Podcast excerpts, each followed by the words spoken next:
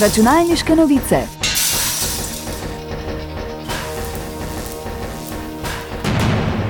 Prisluhnite novostim in zanimivostim z področja računalništva. Lepo pozdravljeni. Z današnjo prvo novico stopamo v oktober leta 2022, ko je kmalo po prevzemu Twitterja Elon Musk odpustil več kot polovico zaposlenih in večini obljubil vsaj dve plači plus tedensko plačo za vsako leto, ki so ga oddelali v podjetju. Več kot 6000 zaposlenih trdi, da niso prejeli niti centa. Nekdani zaposleni so od takrat uložili več tožb za pridobitev obljubljenih ugodnosti. Po zadnjih podatkih naj bi se Musk in Twitter soočala z več kot 2200 arbitražnimi primeri.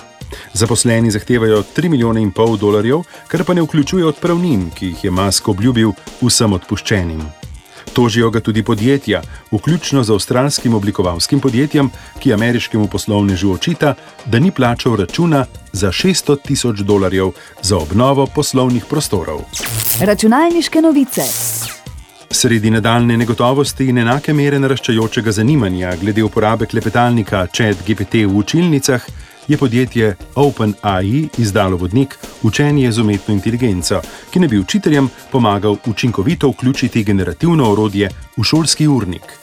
Vodnik vključuje pogosto vprašanje učiteljev o uporabi ChatGPT-ja, kot tudi učne namige za podporo učiteljem, ki želijo vključiti umetno inteligenco v učno okolje. Vključuje tudi primere predlagane uporabe ChatGPT-ja, ki med drugim obsegajo generiranje učnih načrtov, in kvizov, igranje v pogovorih ter posredovanje pri učnih ovirah za učence, ki se učijo angliškega jezika. Računalniške novice.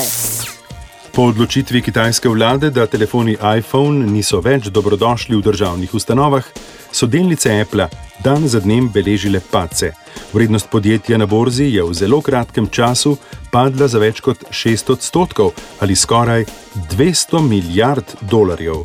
Kitajska je tretji največji trg tega tehnološkega velikana. Lani je Apple samo na kitajskem trgu ustvaril 18 odstotkov celotnega prihodka. Je tudi država, kjer Apple s proizvajalcem Foxconn proizvede največ naprav. Poleg padca delnic Apple so bile prizadete tudi delnice nekaterih njegovih dobaviteljev. Qualcomm, največji svetovni dobavitelj čipov za pametne telefone, je izgubil več kot 7 odstotkov vrednosti. Napetosti med Združenimi državami Amerike in Kitajsko glede tehnologije ustrajno naraščajo. Pričakujemo lahko, da boste obe strani še naprej uvajali podobne omejitve. Računalniške novice.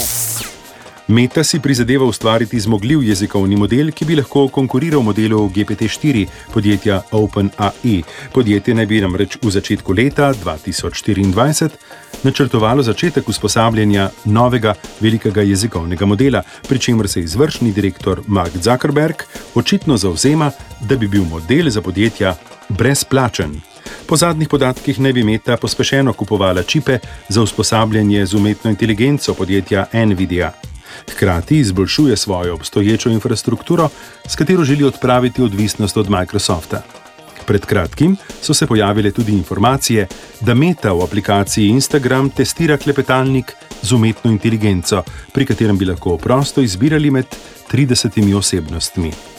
Tudi Apple naj bi več milijard dolarjev vlagal v lastno umetno inteligenco Ajax, za katero pričakujejo, da bo presegla vse obstoječe rešitve. Računalniške novice.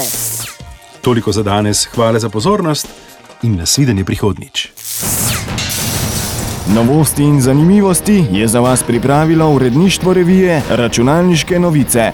Prisluhnete nam lahko ponovno naslednji teden ob istem času.